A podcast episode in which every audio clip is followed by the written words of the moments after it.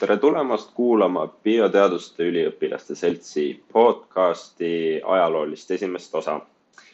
meie omalt poolt loodame selle saatesarjaga tutvustada laiemale eestikeelsele publikule Eesti teadlaste teadustöid, lahata maailma mastaabis olulisemaid seisukohti, suunitlusi ja ideid teaduses ning arutleda teaduse rollist ühiskonnas laiemalt saatesari on planeeritud ilmuma vähemalt kaks korda kuus ning me loodame, et äh, iga episoodiga me saame oma kuulajatele pakkuda uusi ideid, uusi teadmisi ja rohkelt mõtteainet.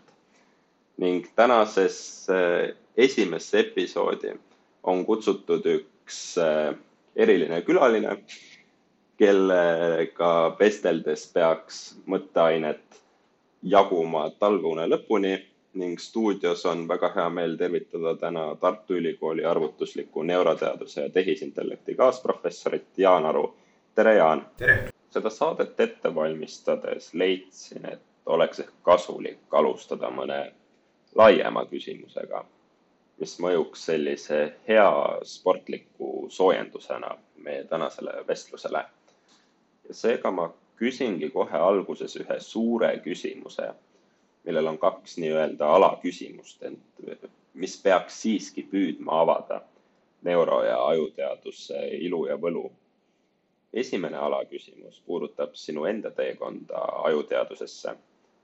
kui sa jutustaksid palun meile veidi, miks ja kuidas see valdkond sind paistab, et pöördumatult endasse tõmbas ning sellega seotud teine alaküsimus puudutab ajuteaduse suurt populaarsust ühiskonnas laiemalt. sest kui vaadata, noh, need on muidugi minu vaatlusandmed, aga võrdleme siis pika aja jooksul, et kui vaadata näiteks raamatupoes populaarteaduslike raamatute riiulit, siis väga tugevalt äh, annab tooni ajuteadus ning ehk sa kuidagi muuhulgas ka läbi isikliku kogemuse oskaksid pakkuda seletust ajuteaduse äh, suurele menule Eesti ühiskonnas laiemalt? kaks asja, et äh, ühelt poolt miks meid huvitab aju? seetõttu, et me tahame kõik aru saada, äh, miks me teeme selliseid rumalaid otsuseid, nagu me teeme, miks me käitume nii, nagu me käitume, kas saab kuidagi paremini kas meil on midagi võimalik teistmoodi teha, eks. aga tol ajal, kui mul nagu oli see valikumoment, siis ma nende asjade peale muidugi ei mõelnud, et äh, siis ma olin lihtsalt üks kaheteistkümnenda klassi äh, õpilane, kes mõtles, et mida, mis nüüd edasi. ja ma tegelikult nagu, ma arvan, et äh, veel mõned kuud enne seda otsust olin nagu mõelnud, et ma lähen õppima juurat või majandust aga võta siis näpust, mis juhtus, ei tea täpselt, aga ühel hetkel käis klõps ära, et ma tahan ikkagi uurida suuri asju. ja siis jäid sõelale ainult kaks küsimust, et esiteks, et äh, kuidas töötab universum, mis on tume aine. ja teiseks siis see, et mis on meie mõtlemise tume aine. ja ma arvasin, et me saame ajust enne aru ja seetõttu ma asusin aju uurima. ma vist eksisin, aga noh, siin ma olen aga see juura ja majanduse pealt ajuteadusesse pööre tundub mulle hästi järsuna. et äh, kui sa natukene äkki avaksid, et kuidas selline mõnes mõttes ka kannapööre äh, alguse sai?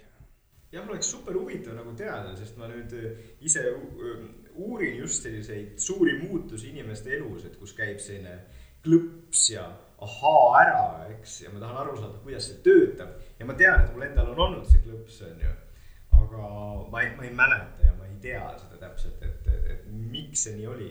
aga noh, me võime seda nii mõelda, et, et tegelikult alati oli mingisugune alge selle, ähm, selle küsimuse küsimiseks olemas minu sees, sellepärast et mind huvitas nagu alati inimese mõtlemine lemmikautorid olid, on ju näiteks Dostojevski on ju, äh, kes väga elegantselt ja pikalt kirjeldanud just neid inimese psüühilisi protsesse, eks. et noh, see huvi oli alati olemas, lihtsalt ma vist äh, seal üheteistkümnendas, kaheteistkümnendas klassis mõtlesin nagu rohkem nagu selle peale, et kuidas hästi ära elada ja nagu mõtlesin võib-olla rohkem rahast kui nagu päris asjadest, aga mul on hea meel, et ma lõpuks jõudsin päris asjadeni ja äh, äh, rahaga nii hästi ei ole, aga vähemalt on muidu hästi. no hea seegi, eks. absoluutselt, ma absoluutselt ei kurda selles suhtes, et see on nagu tore. et kui mõelda natuke veel sellest ajuteaduse populaarsusest ühiskonnas, siis mul on alati ka jäänud selline mulje, et üks osa sellest ajuteaduse populaarsusest on võib-olla tingitud selle hästi suurest või laiast rakenduspotentsiaalist. et äh, sageli, kui mulle jääb silma mõni ajuteaduslik raamat või podcast või mõni muu, siis seal paratamatult on hästi palju juttu sellest, kuidas nii-öelda oma aju paremini kasutada, kuidas äh, mälu parandada, tähelepanuvõimet Ehm, ja, ja see ei ole mitte iga kord vähemalt selline soola puhumine, näiteks Stanfordist Andrew Huberman teeb enda nimelist ehm, podcast'i ka, mis on väga tugeva sellise enda elu parandamise suunitlusega, see on väga populaarne. et kui nüüd küsida, et kas sulle on ka silma jäänud mõned sellised hästi levinud müüdid või sellised puhtalt raha tegemise võtted, mis on võrsunud kuidagi ajuteaduse rakenduspotentsiaalist, kui me vaatame igasugust biohacking ut või näiteks noh, nootroopikume, et kindlasti sa oled näinud selliseid suuri toidulisandite purke, kus on nagu ajupilt ja välgunool läheb läbi ja peal on kirjas mingi brain power või midagi sellist. õnneks ei ole näinud, õnneks ei ole näinud, muidu väga vihastaks. aga jah, et, et ta ongi selline kahe otsaga asi, et ühelt poolt äh, muidugi teadmistega ajuteadusest on võimalik äh, asjadega paremini hakkama saada, on võimalik nagu elu paremini elada.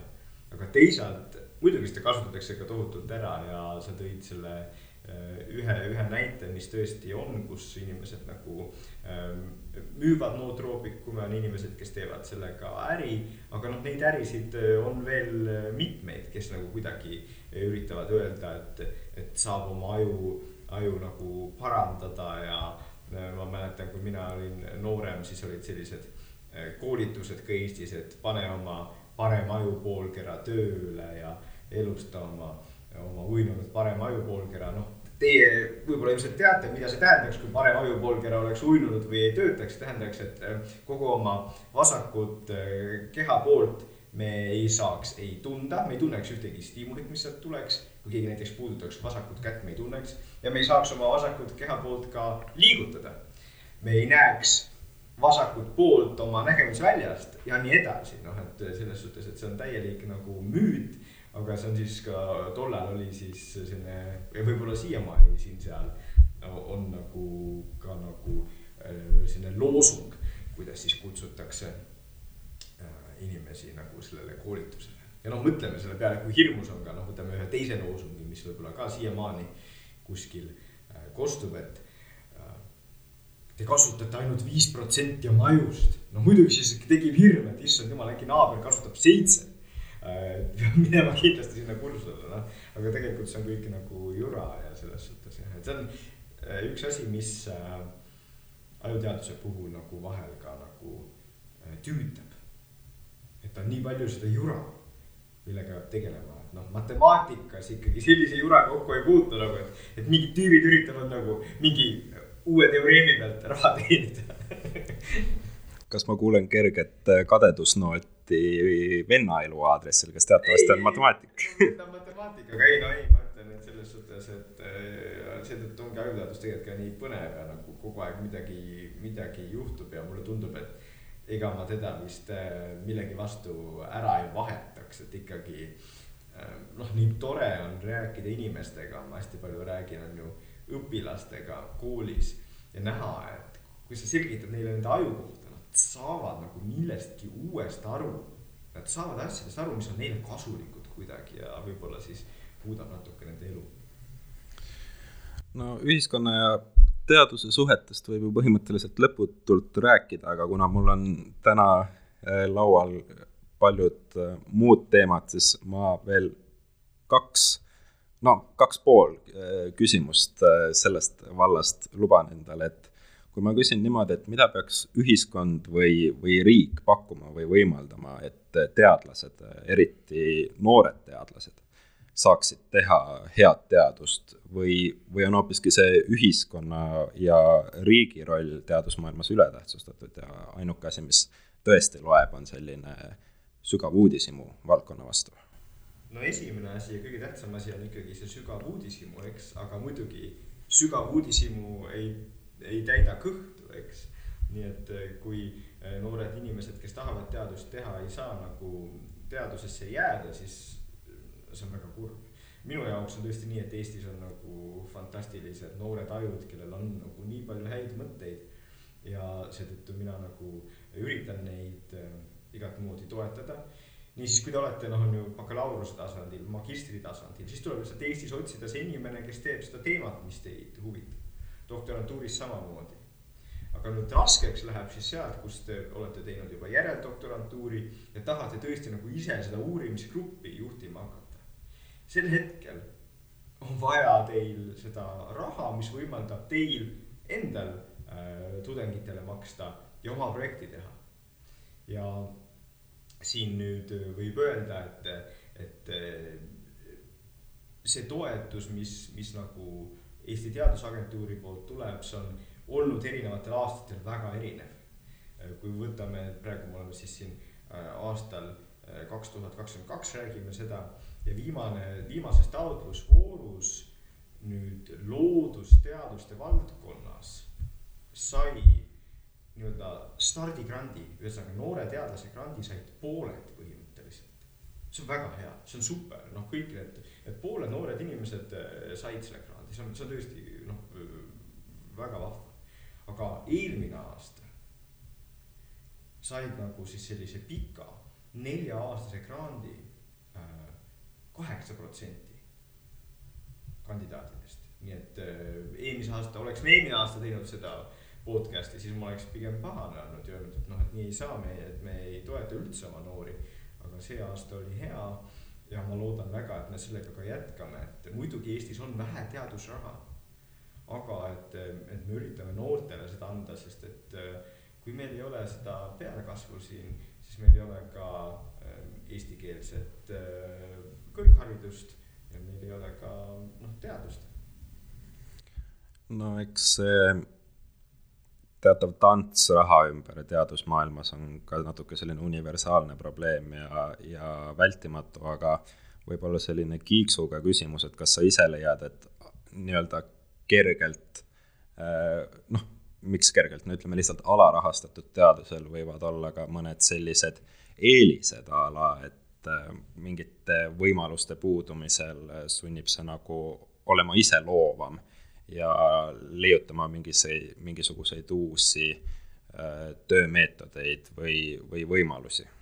ja ikka selles suhtes, et see on see klassikaline nali teadluses, et nagu on, on ju väga tuntud see äh, Princeton Institute for Advanced Studies äh,, kus siis olid Einstein, Norbert Wiener nagu ja nii edasi, Wolfgang Pauli käis sealt läbi, no paljud inimesed, noh tõesti. aga noh, nali on selles, et nagu nad seal tegelikult ei teinud väga head teadust, sest seal oli, kõik oli võimaldatud ja nii edasi, on ju. et äh, teadus ilmselt kõige paremini ikkagi tõesti äh, kulgeb siis, kui on nagu piisavalt rahastust, et nagu ellu jääda ja saab oma asjad ära teha. aga mitte selline rahastuse üleküllus ähm,. sest siis tuleb mõelda uusi meetodeid ja võtame siia ühe näite ka, et äh, Endel Tulving tegi oma doktorantuuri, tegi nägemise peale, aga siis ta läks äh, Kanadasse, Torontosse ja tal ei olnud seal raha, tal ei olnud seal mingisuguseid äh, tudengeid. mis ta pidi mõtlema välja, mida saab üldse uurida niimoodi põlve otsas, et sul ei ole meetodeid, sul ei ole mingit nagu varustust. ja siis ta tuli selle peale, et hakkas uurima ju õppimist ja mälu ja noh, ülejäänu on ajalugu selles suhtes, et tema on läbi aegade üks kõige innovatiivsemaid äh, mõtlejaid nagu mäluvaldkonnas just seetõttu, et ta pidi nagu need asjad kõik otsast peale välja mõtlema. nii et see kiiksuga küsimuses oli nagu väga tähtis äh, selline tõetera. samas selle tulvingu näitega mulle meenub ka Nobeli preemia laureaat Rita Leevi Montalcini, kes küll äh, teistel põhjustel natuke kui tulving oli sunnitud äh, töötama sõna otseses mõttes oma köögis, tegema oma köögikatseid siis Teise maailmasõja aegses Itaalias ja see töö viis lõpuks närvikasvu faktorite avastamiseni. see või, või, või Marie Curie ja Pierre Curie, et kui nemad uur-, uurisid radioaktiivsust, ega nad ei saanud väga palju toetust, neil väga hea raamat on eesti keeles ka Minu ema, Marie Curie, Eve Curie poolt kirjutatud ja ja noh, see tuleb välja, et kuidas nad said mingisuguse väikse ateljee, millel ei olnud nagu katust ja kus nad seal sees siis üritasid, üritasid, üritasid neid aineid eraldada ja kui raske see tegelikult oli ja kui seda läbi lugeda, siis no siis saame aru, mis sorti Nobeli auhinna saajad on. jah, no Marie Curie on ka mõnevõrra ekstreemne näide, vaadates, kuidas ta oma teadustööda lõpuks nii-öelda nahka pani. aga mul on äh, ühest küljest hea meel, teisest küljest ma olen natuke pahane, et sa mainisid seda Princetoni Institute for Advanced Study, sest äh, järgmine küsimus on äh, sellega seotud küllalt otseselt, nimelt Richard Feynman, ka Nobeli preemia laureaat ja füüsik, ähm, nimelt vihkas seda kohta kohutavalt. Selle, jah, just nimelt, et äh, ta on äh, kirjeldanud, kuidas seal lihtsalt vanamehed istuvad oma laua taga, noh, matemaatikud, paber, pliiats ja suured rahad, aga ühtegi mõtet ei tule. jah, jah. ja Feynman ise on ka korduvalt meenutanud, kuidas tema head mõtted tulid sageli äh, klassi ees. et äh, või noh, suheldes või tegeledes ka oma teadustööst mõnevõrra erinevate asjadega, et kas sa ka omas kogemuses äh, oled leidnud ennast, et head mõtted teadustöö kohta tulevad sellega mitte otse tegeledes, aga kuskilt kõrvalisest allikast. et eks peab teadustööd ka tegele, tegema, eks on ju selles suhtes, et sul ei saa tulla teadustöö kohta häid mõtteid, kui sa ei tea täpselt üldse, mis on küsimused, mida küsitakse, sa ei tea täpselt, mida teised tehtud on, teinud on. aga siis, kui sul on nagu see teadmine, põhiteadmine olemas. Eh, ja sa tõesti üritad mingit probleemi lahendada, siis on fakt see, et see tõesti see nii-öelda vajalik stiimul, see vajalik pusletükk võib tulla kuskilt mujalt, see võib tulla kuskilt, kus sa ei oota.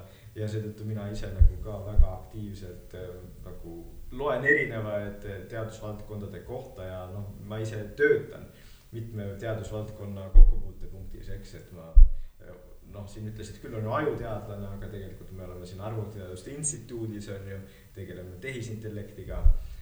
mul on tudengid, kes tegelevad psühholoogiaga ja nii edasi, eks on ju, ja just sellel kokkupuutepunktil minu arvates tulevadki huvitavad asjad, kui räägid kõikide nende erineva valdkonna inimestega.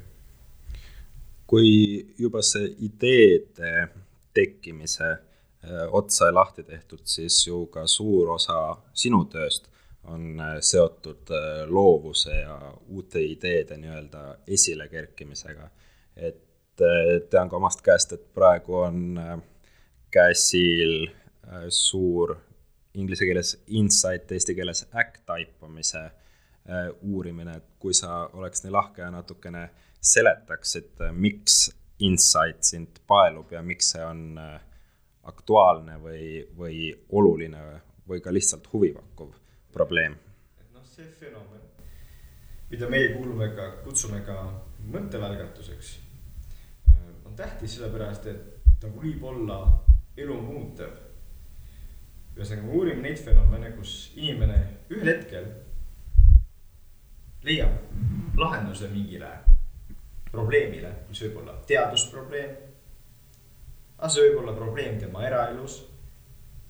See võib olla mingi probleem, millest ta ei olnudki teadlik, aga ta järsku saab aru ja see käib siis kõik nii, et inimesel on see aa.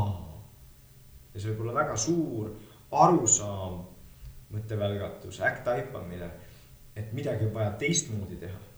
siia alla käivad siis suured äh, äkk taipamised äh, teadusajaloos nagu näiteks Andrew Wiles'i poolt, kui tema nii-öelda viimase tüki Fermat suure teoreemi lahendusest kokku pani või väga kuulus on Henri Poincaré äh, äh, taipamine, mis tal tuli ühe, ühe puhkuse ajal.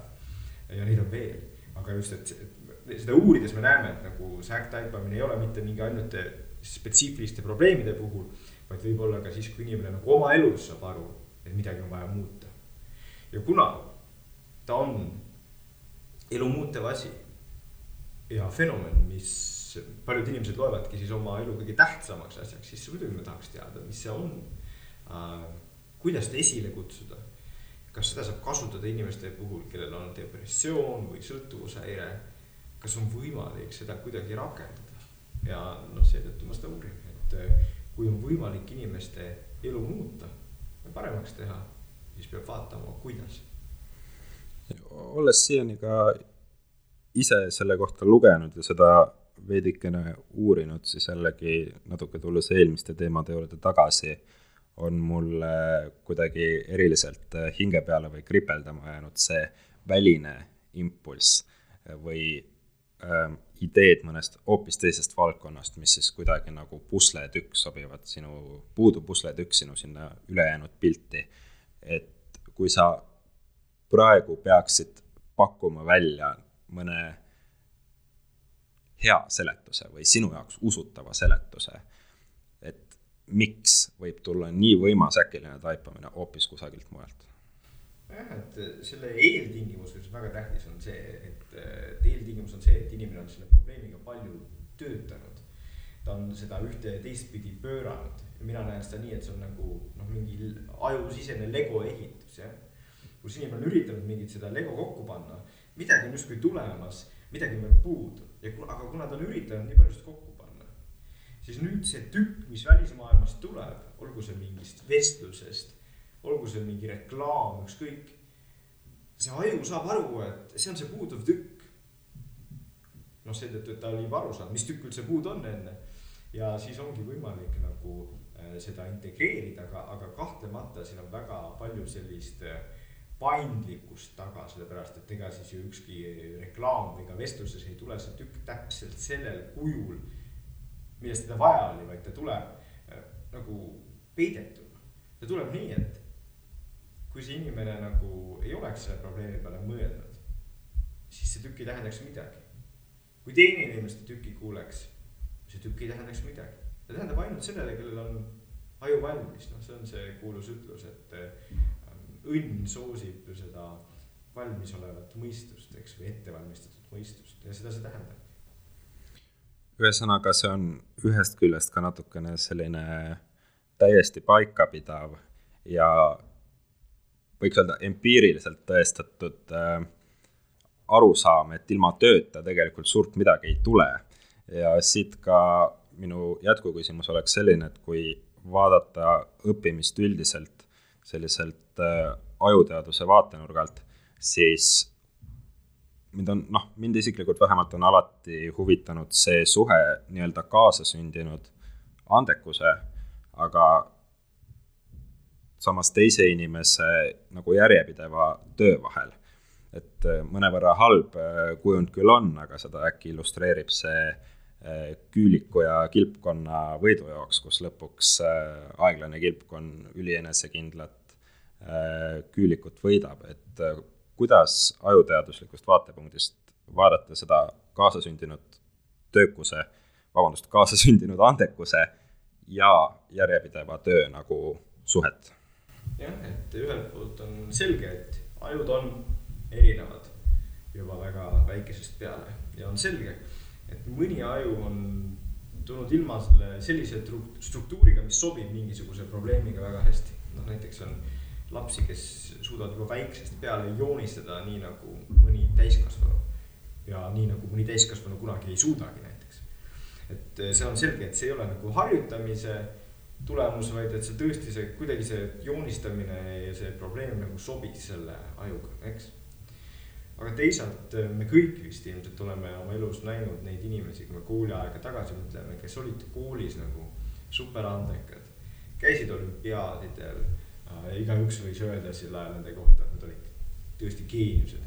aga kes nagu ei ole nüüd, nüüd suurest peast nagu midagi nii erilist teinud või ei ole geeniused ja noh, selles suhtes, et meil ei olegi vaja siin nagu ainult isiklikul kogemusel põhineda, vaid tegelikult noh, kui teadustööd teha, siis ka näed, et, et noh, et ei ole nii, et need, kelle, kes on väiksest peale geeniused, et saavad geeniusteks. ja mis on huvitavam, on tõesti see, et on ka klass inimesi, keda siis nagu äh, väiksest peale nagu keegi andekate hulka ei paneks või ei loeks. näiteks Einstein tegelikult, no üsna varajasest noorusest, aga siiski. just, ei no mis, no mina hea meelega räägin Einsteinist, et noh, et muidugi tal olid tegelikult head hinded matemaatikas ja füüsikas, aga ega keegi ei arvanud, et ta on nüüd geenius. Ja mis võib-olla veelgi nagu selgem on see, et kui ta oli ülikoolis, siis kõik tema kursusekaaslased said ju äh, nagu äh, töökoha, akadeemilise töökoha, ta oli ainus, kes ei saanud. et oleks ülikoolis seal kohe kõik, et saavad aru, et ta on geenius no siis ta oleks äh, ju saanud selle töö. et tegelikult see, et ta oli geenius, selgus alles siis, kui ta oli kahekümne kuue aastane ja tuhande üheksasaja viiendal aastal need neli artiklit ka avaldas, eks. Aga, aga just, et on inimesi ja, ja, ja jällegi äkki mõni teistki teab neid inimesi, on ju. mina vähemalt tean, kes nagu kooli ajal nad ei paista silma, pigem on nad õpetajale tüütud. aga kes leiavad oma tee, kõnnivad seda, teevad tööd ja siis, kui nad on kolmkümmend või kolmkümmend viis, siis on näha, et nad on palju kaugemale jõudnud kui need, kes käisid olümpiaadidel. nii et ajuteaduse seisukohast ja ka psühholoogia seisukohast on seetõttu selge, et nagu jah, loomupärane andekus on olemas, aga ilmselt äh, kui mina peaks valima näiteks oma lastel, siis ma pigem valiks selle töökuse ja selle jonnakuse, et, et ta tahab nagu tööd teha ja viitsib vaeva näha, kui selle, et ta on loomupäraselt andekas mingis valdkonnas. No selle aruteluga kattub minu arvates väga hästi ka see, kuidas äh, küll peale surma, aga kuidas Einsteiniga läks äh, mõnevõrra äh, õnnetult, selles mõttes, et kui ta suri minu arvates kas maa või maksavähk või midagi sellist, siis lahkamise ajal selline noh, kuidas ma ütlen, hobiajuteadlane või siis lahanguarst eemaldas ilma Einsteini perekonnata konsulteerimata tema aju ja siis tükeldati, seda uuriti väga põhjalikult, see on siiamaani minu arust ühes Philadelphia muuseumis äh, näha. Aga mis on huvitav, on see, et sealt äh, noh, me räägime küll eelmise sajandi viie-kuuekümnendatest, sealt midagi suurt ei leitud.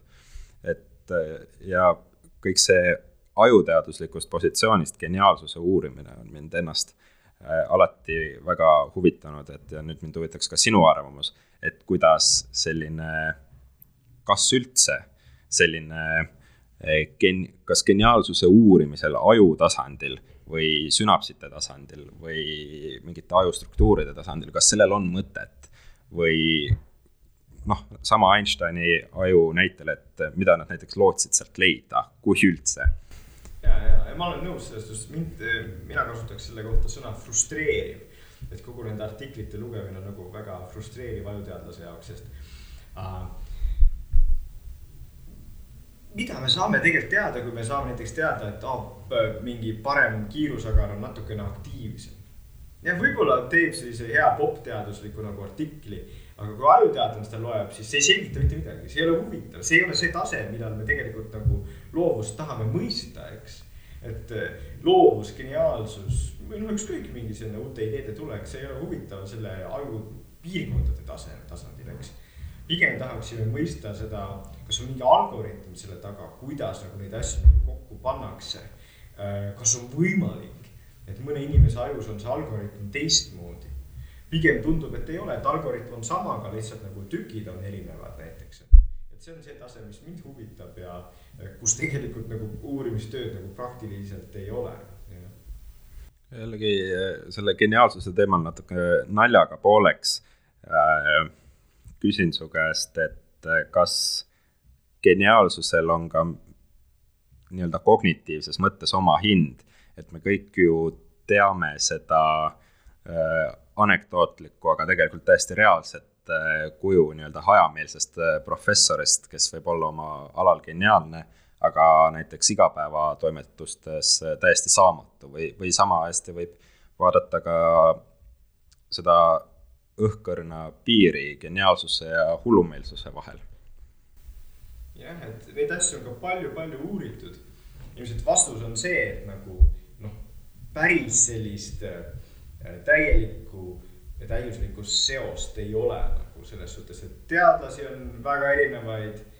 on neid, kes on nii head, geniaalsed teadlased kui ka tegelikult väga meeldivad inimesed, kellega suhelda. ja teises äärmuses, mis meile rohkem silma jääb, on siis need hajameelsed teadlased ja nagu Einstein, kes ütles, et miks mulle mitu paari sokke, et see on nagu keeruline kes alati otsis oma vana kuue välja ja nii edasi, onju. ja, ja nüüd siis, kui läheme selle hullumeelsuse juurde, siis tõesti, see on ka midagi, mida on nagu juba noh, pikalt on selle üle mõeldud ja selle kohta on, on palju näiteid toodud, kus siis nii kunstnikud kui ka teadlased, äh, kes on geniaalsed, on ka noh, mingisuguse vaimse häirega aga noh, see seos ei ole väga tugev ja kui me mõtleme ka selle peale, et on selge, et mitte iga inimene, kellel on vaimne häire, ei ole kuidagi loom. et tihtipeale tegelikult on see lihtsalt, ongi väga suur probleem ja seal ei olegi, selle vaimsel häirel ei olegi mitte ühtegi head aspekti. ja teiselt poolt nagu juba öeldud, et on palju teadlasi, kes, kellel ei ole mingeid häireid ja nii et niisiis ma arvan, et seda võiks korraks järele vaadata, aga et, et ehm, kui nüüd uuemad te, teadustööd on uurinud seda, et siis see seos nagu näiteks skisofreenia ja loovuse vahel on nagu noh, küllaltki minimaalne. kui ta üldse on olemas, aga igatahes ta on nii ebaoluline, nii ebaoluliselt väike, et ta üksiku inimese kohta ei ütle mitte midagi. aga samas, kui juba selline natukene Eh, hirmutav uks on eh, avatud, siis mida sa arvad sellistest, eh, noh, on mõned ajuteadlased, kellel on hästi radikaalsed teooriad, mis näiteks väidavad, et minu reaalsus on fundamentaalselt erinev sinu reaalsusest või et üldse kunagi evolutsiooni käigus inimese aju ei suutnud seda kõike enam hallata ja lõi ja loob siiamaani mingisuguse pildi, mis siis nii-öelda reaalsest reaalsusest on täiesti erinev. ja siia selle geniaalsuse ja hullumeelsuse ja ka selle teema illustreerimiseks sobib minu arvates hästi üks Frida Kahlo tsitaat, kes ütles, et inimesed äh, peavad mind alati sürrealistiks, kuid see ei ole nii. ma olen realist, ma lihtsalt maalin oma reaalsust. ja minu reaalsus on teistmoodi, jah noh, mingil määral see kahtlemata on nii, noh, kuna meie ajud on erinevad. Meie ajudes on erinevad teadmised. Need teadmised, mis, meil on, mõjutavad seda, kuidas me maailma tajume. ja siis mingil määral tõesti, äh, me näeme erinevalt, me kogeme erinevalt. ja noh, nagu me teame, me arvame erinevalt, eks um,. ja, ja sinna on nagu vähe parata. sellegipoolest äh, tavaliselt nagu inimesed, inimeste ajud on ikkagi piisavalt sarnased, et nagu ähm, aru saada nagu näiteks sellest vestlusest, mis meil siin praegu on, on ju. mis sest, et teil on erinev aju, te võib-olla mõnda asja saate natuke teistmoodi aru kui mina või kui meie siin. aga paljusid asju saate küllaltki samamoodi aru, eks, ja, ja kui me võtame nii, et, et ajud on erinevad, siis on seda huvitavam et tegelikult meil see kommunikatsioon nagu üldse nagu õnnestub ja see näitab midagi aju arusaamise algoritmi robustsuse kohta. ehk siis äh,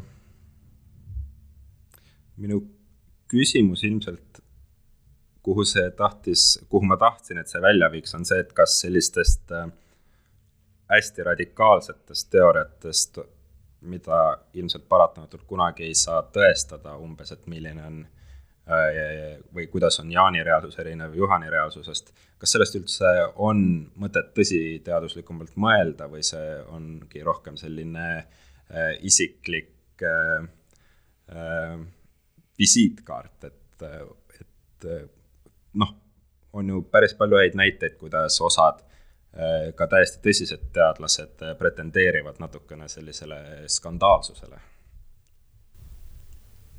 nojah, et see on raske sellist piiri tõmmata ja mina ka ei taha kuskile kellegi poole nagu näppe vibutada, aga teinekord selliste hullude mõtetega nagu ähm, Nende üle mõtlemine on tegelikult nagu kasulik ja võib, võib ka edasi viia, on ju, noh, et samamoodi kui see kuueteistaastane Einstein seal mõtles sellel valguskiirel ratsutamise peale ka võiks mõelda, et täitsa nagu rumal asi, mis sa mõtled selle peale on ju, aga näh, viis kuskile. ja meil just hiljuti siin oli siis äh, üks selline mõtteeksperiment, mida me arutasime, mis ka nagu tavalise ajuteadlase jaoks ongi täielik nagu selline äh, hullumeelsus ja skandaalsus. aga kui meie selle üle mõtleme, siis me nagu täitsa nagu tõsiselt üritame seda küsida ja üritame aru saada, miks see peaks olema skandaalne. nii et ma arvan, et nagu sellised ähm, mõtteeksperimendid ja ka kummalised nagu viisid, kuidas asjadest mõelda. Nad on üks teadlaste tööriist ja noh, kui neid ära kasutatakse mingil omakasu saamise eesmärgil, siis võib nende peale poole nagu näppu viibutada, aga muidu peaks seda mõistma, et noh, teadlased ongi sellised ja mõtlevadki selliste asjade peale. Nende eelmainitud ja arutatud individuaalsete erinevuste teemaga haakub väga hästi ka teadvuse suur probleem, mis on äh, äh, kuidagi vähemalt siiamaani jäänud äh, või kujunenud tegelikult sinu teadustöö selliseks äh, refrääniks või väga hästi väga hästi äh, tuntud osaks. Et kui me nüüd natukene, tund on küll hiline, aga äkki see just võimendab sellest teemast arutlemist, et kui see teema nüüd avata, avada, siis miks just see teema, kas just selle fundamentaalsus on põhjus, miks see hakkas sind juba tegelikult ülikoolide alguses võluma? no minu jaoks oli see selline ahaa-hetk selles suhtes, mida ma nüüd palju täpsemalt mäletan, et ma tõesti nagu äh,. Mind huvitas aju, ma nagu olin tihti raamatukogus, lugesin sealt raamatuid. ja siis ma võtsin selle John Eckelsi raamatu. ja John Eccles on dualist, eks, kes ütleb, et nagu aju ja teadvus on teineteisest erinevad. kui ma seda raamatut lugesin, ma mäletan, kuidas need plahvatused toimusid aju sees. oota, mis küsimus see üldse on? miks ma kunagi varem pole sellest kuulnud, et tegelikult, et see on mõistatus, et kuidas meie teadvus ajuga seotud on. noh, mitte, et ma oleks arvanud, et teadvus on ajus või, või oleks mul dualistlik seisukoht, ma ei olnud selle peale isegi mõelnud nagu, et see üldse on mingi, et see on selline suur probleem on nagu, mis on nagu, mida ma olen juba nüüd selleks hetkeks siis üheksateist aastat läbi elanud, aga ma ei ole kunagi mõistnud, et see on suur probleem. ja, ja sealt see oligi minu jaoks nagu selline hetk, et äh, see probleem lihtsalt nagu tõmbas endasse, on ju nagu noh, et äh, nagu ei saanud, ei saanud midagi vastu, vastu panna, lihtsalt tuli neid artikleid lugeda ja üritada sellest nagu paremini aru saada ja no läks mõned kuud aega, siis ma sain aru, et ilmselt John Eccles eksis ja ikkagi teadvus on ajus. aga kuidas ta seda tekib? mida see tähendab, et ta sealt ajust tekib? noh, ja siis ma sellega tegelesin, üheksa aastat, aga äh, pärast seda ta tõesti mul refrääniks jäänud selles suhtes, et äh, pean tunnistama, et äh, on võib-olla liiga suur probleem ühe väikese mehe jaoks. mis sa arvad, kas dualismile on tänapäeva aju ja teadvuse uuringutes üldsegi kohta või see jääbki või noh, minu isiklikku arvamust pidi ka peaks jääma selliseks äh, lihtsalt filosoofiliseks mõtiskeluks või et selliseks, ma saan aru, et dualism on võrsunud sellest, et äh, inimene äh,, kes peab ennast ka planeedi võimsamaks olendiks, ei taha ennast äh, siduda, ei taha tunnistada, et temaks olemise tunne on äh, Äh, midagi, mis on otseselt seotud füüsilise nii-öelda substraadiga. Aga mis sa arvad, kas dualismil on veel mingit kohta tänapäeva ajuteaduses või see peaks olema või juba on täielikult nii-öelda aknast välja heidetud? ma mõtlen just ajuteadlaste ringkondades. ikka on jah, ikkagi, ikkagi aknast välja heidetud ja on tõesti praegu väga raske mõelda üldse teadlaste peale, kes nagu avalikult ütleksid, ajuteadlaste peale, kes avalikult ütleksid, nad nagu to-, toetavad dualismi. aga mina alati ütlen ka, kui ma näiteks olen vestluses, kus on inimesed, kes nagu väga tugevasti dualismi pooldavad, et vaadake. kuna me ei tea, mis see teadvus on. no siis võib ikkagi see võimaluse lahti hoida. et jah, praegused tõendusmaterjalid näitavad, et teadvus tekib kuidagi ajust. aga on võimalik, et kunagi tehakse mingeid paremaid katseid, mis näitavad, et ikkagi ta, ta on midagi ajust erinevat ka. no ja siis noh, et öö, oleks kehva, kui me peaksime siis ütlema, et oih, dualism on tagasi, et pigem nagu hoida see õhkõrn võimalus, et äkki nii on. ja just seetõttu, et me ei tea, mis see teadvus on, eks me äh, ei saa sellest aru. ja seetõttu tuleb teadlasel minu arvates alati hoida selline väga avatud suhtumine, sest universum ja aju on alati keerukamad, kui me tegelikult arvame, et nad on. aga kui rääkida nüüd äh, nii-öelda täiesti tõsiteaduslikult äh,, kasvõi siis sinu aja näitel äh, Max Plancki Ajuuuringute Instituudis, et kuidas sellist, kuidas käib selline moodne ja tõesti tõsiteaduslik ja falsifitseeritav teadvuse uurimine, et kuidas üldse rünnata nii suurt probleemi nojah, et iseenesest ta ei olegi nii keeruline, sellepärast et ajuteadlase nagu varasalves on mitmed meetodid, kuidas aju aktiivsust mõõta ja nüüd eksperimentaalpsühholoogia poolt tulevad meetodid, kuidas saab siis erinevaid stiimuleid näidata nii, et nad vahel on teadvuses, vahel ei ole. kui sa need kaks kombineerid, ühesõnaga kutsud inimese katlesse, nii et ta vahepeal näeb stiimulit, vahepeal ei näe teadvustatult. ja siis mõõdad mõlemal juhul tema aju aktiivsust. no siis sa saad võrrelda, mis on erinevad, kui inimene nägi või ei näinud seda stiimulit, eks. ja niimoodi seda teadvuse teadust tehti.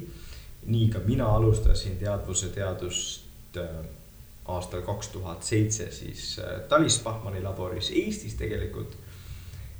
ja kui ma nüüd jõudsin doktorantuuri aasta oli siis nüüd, kui me selle peale mõtlema hakkasime, võib-olla kaks tuhat kümme. siis ma sain aru, et ah neetud, see meetod ju ei tööta. noh, kui me võrdleme nagu neid katsekordi, kus me teadvustame midagi, nendega, kus me ei teadvusta, siis nende erinevus ei ole ainult teadvus, vaid nende erinevus äh, on ju ka protsessid, mis eelnevad teadvusele ja järgnevad teadvusele ja siis selle artikli kirjutasin kokku minu doktorantuuris ja sellest ongi saanud nagu võib-olla minu enda nagu kõige olulisem teadustöö ja noh, mõtle, kui irooniline see on, et kui tahad minna teadvuse probleemi lahendama. ja siis leiad hoopis selle probleemi nagu, et miks me ei saa selle meetodiga nagu teadvuse probleemi lahendada. aga nii on. teadvusuuringutesse on äh, ju sageli ka sisse jooksnud unetemaatika ja üldanesteesia näiteks äh, kirurgiliste operatsioonide puhul, et äh, mida sellised noh, une puhul igapäevased, anesteesia puhul mitte nii igapäevased, täiesti selgelt, noh, võrdlemisi selgelt teadvuseta olekud annavad teadvuse uuringutele? no selge, need on selline kon-, teistmoodi kontrolltingimus, eks. ja noh see aitab ka nagu tavainimesel aru saada üldse, mis see teadvuse probleem on, et noh, kuidas see on nii, et nagu ma öösel kaon ära lihtsalt kuskile, mind ei ole. ja kuidas see on nii, et nüüd ma olen seal operatsioonil, arstid annavad mulle mingit rohtu, teadvus kaob ära ja siis tuleb tagasi, no kuidas see saab olla, et me nagu lülitame teadvust sisse ja välja? Ja veelgi hullem on võib-olla see, kui ma hakkan mõtlema selle peale, et ja, nagu kümnetel tuhandetel, sadadel tuhandetel inimestel aastas lülitatakse teadvust sisse-välja. aga tegelikult me ei tea seda, äh, kuidas see täpselt töötab. et see on nagu tegelikult ei laseksi, laseks enda, enda kallale, kui me ei teaks nagu, et, et, et, et kuidas see asi täpselt töötab, aga ajuga seoses paljud asjad on niimoodi, et, et äh, enamasti töötab ja anesteetikumid töötavad päris äh, usaldusväärselt, eks, aga täpset mehhanismi miks see teadvus kaob, nagu võib-olla ei ole veel välja selgitatud, kuigi on huvitavaid ideid. mina ise olen äh, vähemalt proovinud äh, mõelda nii-öelda teaduse rollist või, või kohast ka evolutsioonibioloogia valdkonnas, et äh, inimliik ei ole ju teab mis vana, noh, ütleme kolmsada tuhat aastat, mis on sinu kui palju lugenud mehe selline äh, arvamus või mõni mõte, kuidas üldse? Või noh, bio, bio, bioloogias on mingis mõttes äh, kuritegelik küsida, miks, on ju, et mitte tekitada mingeid teleoloogilisi argumente, aga mis võiks olla nagu see teadvuse evolutsiooni suhe, et kuidas selline asi võib tulla ajule kasuks või selline fenomen tulla ajule kasuks nii-öelda? ja, et no siin on mitu küsimust, üks küsimus, mis me kohe peaks siis ka arutama, on see, et kuhu evolutsioonis me üldse selle teadvuse tuleku paneme, eks on ju. ja, ja noh, et sellest lähtuvalt siis saab nagu vaadata seda äh, funktsiooni. no näiteks äh, on ju, et mida on arvatud, et teadvus on seotud sellise õppimisvõimega, noh, et me suudame nagu suvalisi asju kiiresti nagu kokku panna.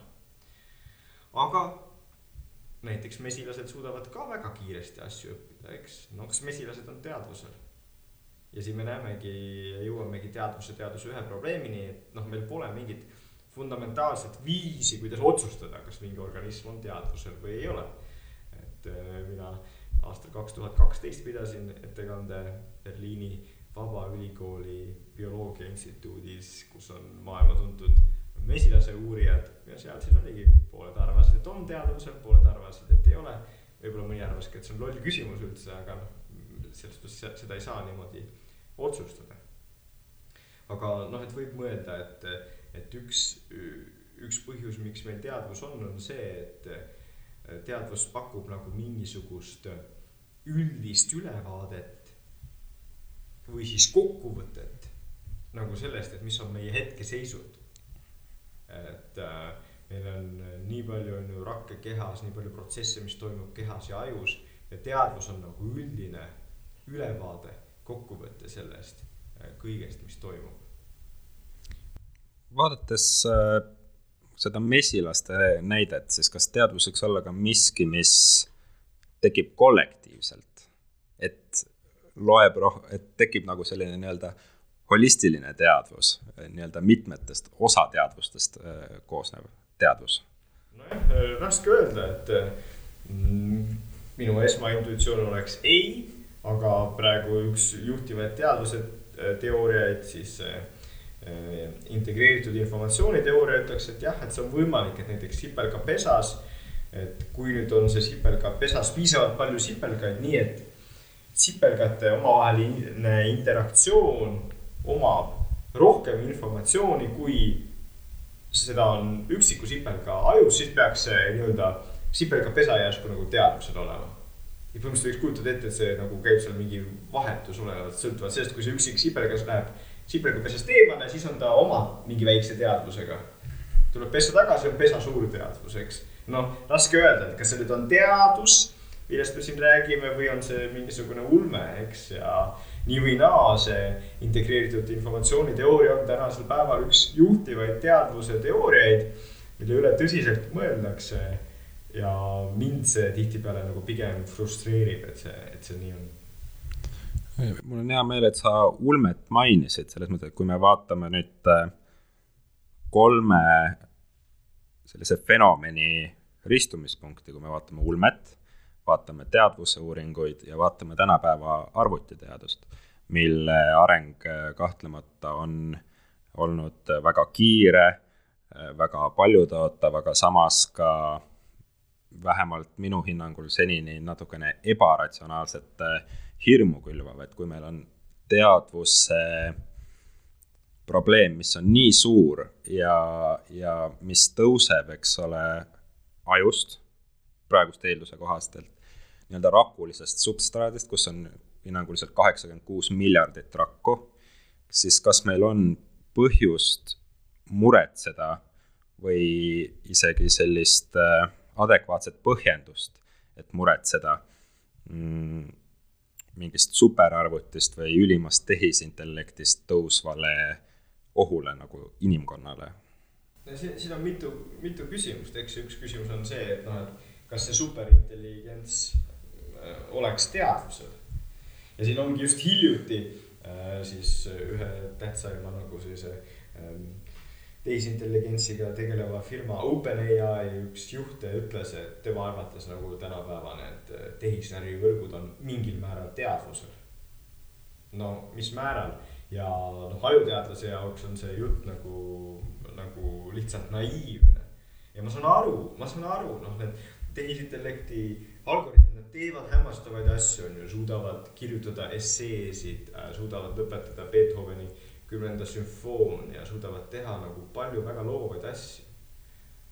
aga on võimalik ja ma arvan, et see on niimoodi, et, et see noh, see substraat on täiesti erinev, üks on lihtsalt mõttetu, sisutu, elutu kood. ja teine on nagu päris organism, milles on siis nii palju erinevaid nagu bioloogilisi nagu tasemeid ja keerukust aga, aga see on midagi, mida tehisintellekti uurijad, nad ei saa aru, nad ei ole kunagi mõelnud sellest, mis on üksik närvirakk, nad ei ole mõelnud selle peale, kui keerukas masin see on. Nad ei ole kunagi mõelnud selle peale, et kui sa paned selle katseklaasi, siis see üksik närvirakk elab. sa saad talle anda mingisuguseid aineid, sa näed, kuidas ta töötab, kuidas ta öö, muutub, on ju. Kui sa paned teise närviraku kõrvale, kuidas ta, nad üritavad ühenduda. Nad ei saa aru sellest, et see närvirakk, mis on katseklaasis ja närvirakk, mis on lihtsalt mõttetu kood, on fundamentaalselt erinevad. ja siis nüüd, kui me noh, ühesõnaga see oli teaduse kohta, aga siis ongi meil küsimus, et noh, et nojah, aga unustame teadvuse, et vahet pole, kas on teadvus või ei, on ju, aga tuleb superintelligents, kes kõik üle võtab. siis siin on ka võimalik, et tegelikult kui me ignoreerime teadvuse probleemi, siis me ei jõua kunagi ka mingisuguse superintelligentsini. sellepärast, et äh, lihtsalt see, miks me üldse midagi teeme miks meil on ideed, miks me midagi tahame? Ähm, see tuleb sellest, et äh, me oleme elus ja meil on teadvus, eks. noh, need asjad ei ole lihtsad, ma ei ütle, et mina olen need asjad ära lahendanud, ma lihtsalt ütlen, et ähm, tihtipeale tehisintellekti uurijad kõvasti alahindavad kogu seda bioloogia keerukust ja seda, mis tegelikult meie ajus toimub. ehk siis äh, sellega on seletatav ka sellised Äh, suured arvutiteaduse sisesed äh, nii-öelda käärid, mis on mulle endale silma jäänud, et on ühest küljest need OpenAI inimesed, kes väidavad, et nende mingid tehisnärvivõrgud on noh, inglise keeles slightly conscious ehk noh, põhimõtt-, noh, mingil määral natuke teadvad. aga samas on ka väga lugupeetud ja tuntuid kuulsaid arvutiteadlasi, kes on täiesti kindlalt ja ka argumenteeritult väitnud, et ükski tehisintellekt, mis praegu on loodud pole mitte mingil viisil intelligentne, noh, kui me mõtleme näiteks Jeff Hawkinsi peale, kes on niimoodi väitnud, et äh, kuidas on tekkinud sellise, mm, sellised suured valdkonnasisesed käärid, kas selle võib puhtalt taandada näiteks bioloogia enda alahindamisele, et ei tajuta? ma arvan, et see on üks, üks, üks, äh, üks põhjus kahtlemata, et nagu see on ka midagi, mis me enne rääkisime, et noh, et milliseid valdkondi sa tunned, kust valdkondadest sul teadmised on. kui sa oled ainult seal arvutiteaduses ja noh, ongi need OpenAI juhid, nad on ju super eh, teadlased, nad on viinud selle kogu selle tehisintellekti nagu hoopis teisele tasemele, nad on tõesti väga olulist tööd teinud. Aga kui neid ei ole kunagi huvitanud bioloogia, neid, nad ei ole kunagi mõelnud ühe närviraku peale, eh, noh, siis on mingil määral ju mõistetav, et ta Äh, satub sellisesse võltslummusesse nendest omaenda loodud algoritmidest ja ta omistab neile no mingisuguseid võimeid, mida tal tegelikult ei ole. ja teisel pool on siis inimesed, kes nagu on natukene paremini aru saanud sellest kogu sellest keerukusest, mis bioloogias on. nii et minu arvates see on üks, üks, üks põhifaktoreid küll. kui me räägime veel korraks selliste teaduste ristumispunktidest, siis seda saadet ette valmistades esimene küsimus, mis mul tekkis, mis ma teadsin, et ma tahan su käest küsida, on selline bioloogiasisene konkurents, kui me võtame geneetika ja võtame ajuteaduse, mis on, mis on äärmiselt laiad valdkonnad, aga millega üks eesmärke ju kahtlemata on seletada inimolemust, inimkäitumist, kõike inimesega seonduvat, et mulle tundub, et on tekkinud nagu selline kahe bioloogia haru nagu dihhotoomia, et mis just, millel justkui on potentsiaal selgitada sellist inimese olemust, aga samas ka selle potentsiaali kõrval on väga suur konkurents, et mis sa ise arvad, noh, muidugi sa oled väga-väga erapoolik selles küsimuses, aga läbi, aga läbi kumba, kumba teed peaksime järgima või kummal on rohkem potentsiaali või seletada? küsimust, eks ja noh, konkurents tegelikult mulle tundub, et nii väga mina seda konkurentsi kunagi ei ole nagu tundnud, eks see tuleb siis, kui on ju äh, rahastusvoorus jään rahast ilma ja kõik geneetikud saavad raha, eks siis ma võib-olla ütlen teistmoodi. aga praegu nagu ma, ma ise ei tunne sellist konkurentsi ja pigem ütleks nii, et see on õudselt vahva nagu teaduse juures. et on võimalik sarnastele küsimustele läheneda erinevat viisi. ja et äh, teaduse puhul on nii, et on võimalik valida nagu see tee, mis nagu ennast huvitab ja on inimesi, kes ütlevad, et ah, mind see aju ei huvita, on ju. noh, mina neist aru ei saa või noh, tegelikult ma saan, aga ma ütlen nagu selles suhtes, et minu jaoks nagu tundub, et, et aju on lihtsalt nagu lähemal käitumisele. et ma saan nagu ajus nagu otse midagi manipuleerida või ümber, ümber teha ja siis on otsene mõju käitumisele ja lihtsalt võib-olla võiks öelda, et mul on liiga kärsitu nagu nende äh, geenide mõjude jaoks, eks. minu jaoks on ka alati selline suur era-, noh, eks ma ole ka erapoolik, selline suur argument selles küsimuses äh, olnud, äh, eks ole, genoomid, et ajurakkudes genoomid on samad, aga samas geenid, mälu ei suuresti ei aita seletada selle mälu kui fenomeni teket. kui näiteks mäluhäireid, eks ole, aga see on ka pigem selline no jah, vigase genoomi küsimus. nojah, eks on võimalik, et kunagi ikkagi mingisuguseid asju me ka teada, teada saame nende asjade kohta läbi geenide, eks noh, et see ei ole nagu need asjad ei ole võimatud. ja noh, kes asja paremini teab, see teab ka seda, et ajuteadus on ju tohutult nüüd nagu ähm, geeniuuringutest ka võitnud, kuna paljud uued tehnoloogiad, mida ajuteaduses kasutatakse, töötavad just läbi selle, et me muudame mingisuguseid geene ja siis läbi selle saame tegelikult teatud ajurakke nagu mõjutada ja läbi selle siis saame paremini aru sellest äh, käitumise bioloogilisest alusest. nii, sellega on äh, tänaseks, ma juba rahustan sind, äh, filosoofilised teemad on ennast ammendanud ja nüüd tuleme põhiosa juurde. jah, nüüd tuleme põhiosa juurde, et, et jah, et koju minekut veel ei ole. aga kui küsida lõpetuseks sellist, selline viimane ajuteaduslik küsimus, siis päris viimane küsimus, et kuidas oma aju eest võimalikult hästi hoolitseda? ma arvan, et esimene asi on aru saada sellest, et äh, andekus ei ole kõik. me juba mainisime seda, aga seda on hea üle korrata. sest mulle tundub, et paljud noored inimesed on nagu selle taga, et ah, mina ei saa ja ma olen alati kehva olnud akadeemilistes ainetes või ükskõik milles, aga see ei loe. loeb tegelikult see, kõik ajud on plastilised ja küsimus on ainult selles, kas see konkreetne aju, teie aju, leiab teema, mis teda huvitab. kui leiab ja teil on seda oskust ja jaksu nagu seda teed kõndida, siis kui te seda teete paar kuud, olete juba üsna head, kui teete paar aastat, olete ilmselt Eestis juba üks parimaid. kui teete mitukümmend aastat, olete maailmas üks parimaid. Niisiis, see on väga tähtis sõnum, et noh, et aju on võimalik nagu arendada ja see, mis on praegu see ei loe. paljud suurkujud on leidnud oma tee alles siis, kui nad, kui nad äh, olid äh, ilmselt teie vanust, ma küll ei tea, kui vanad need kuulajad on, aga noh, neid suurkujusid on väga erinevaid. ja siis, kui me nii mõtleme, et meie ajus on potentsiaal. ja me saame seda rakendada, siis peame mõtlema, et mis meid segab.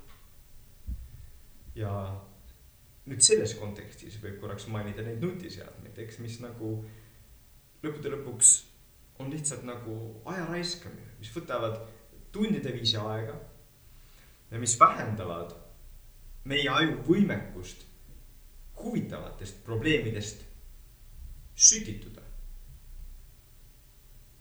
Ja seetõttu on nagu see üks põhjus, mis ma ütlen ka, et mida saame teha oma aju hoolits-, aju eest hoolitsemiseks, see, et me nagu võtamegi endale iga päev tund aega, vähemalt tund aega, kus me nagu ei ole nutiseadmes, paneme selle hoopis hääletuks ja tegelemegi selle asjaga, mis meid tegelikult nagu huvitab. ja tund, tunni kaupa areneme, mõtleme edasi ja leiame selle nagu oma asja ja siis vaatame, kaugele. Ja kuna täna on selle podcast'i ajalooline esimene saade, siis on äh, minu arvates paslik panna alus ka mõnele traditsioonile, mistõttu viimaseks küsimuseks ma küsin su käest äh, mõned raamatusoovitused, mis kas hiljuti või läbi aegade on sulle väga meeldinud, sinusse jätnud mingisuguse jälje?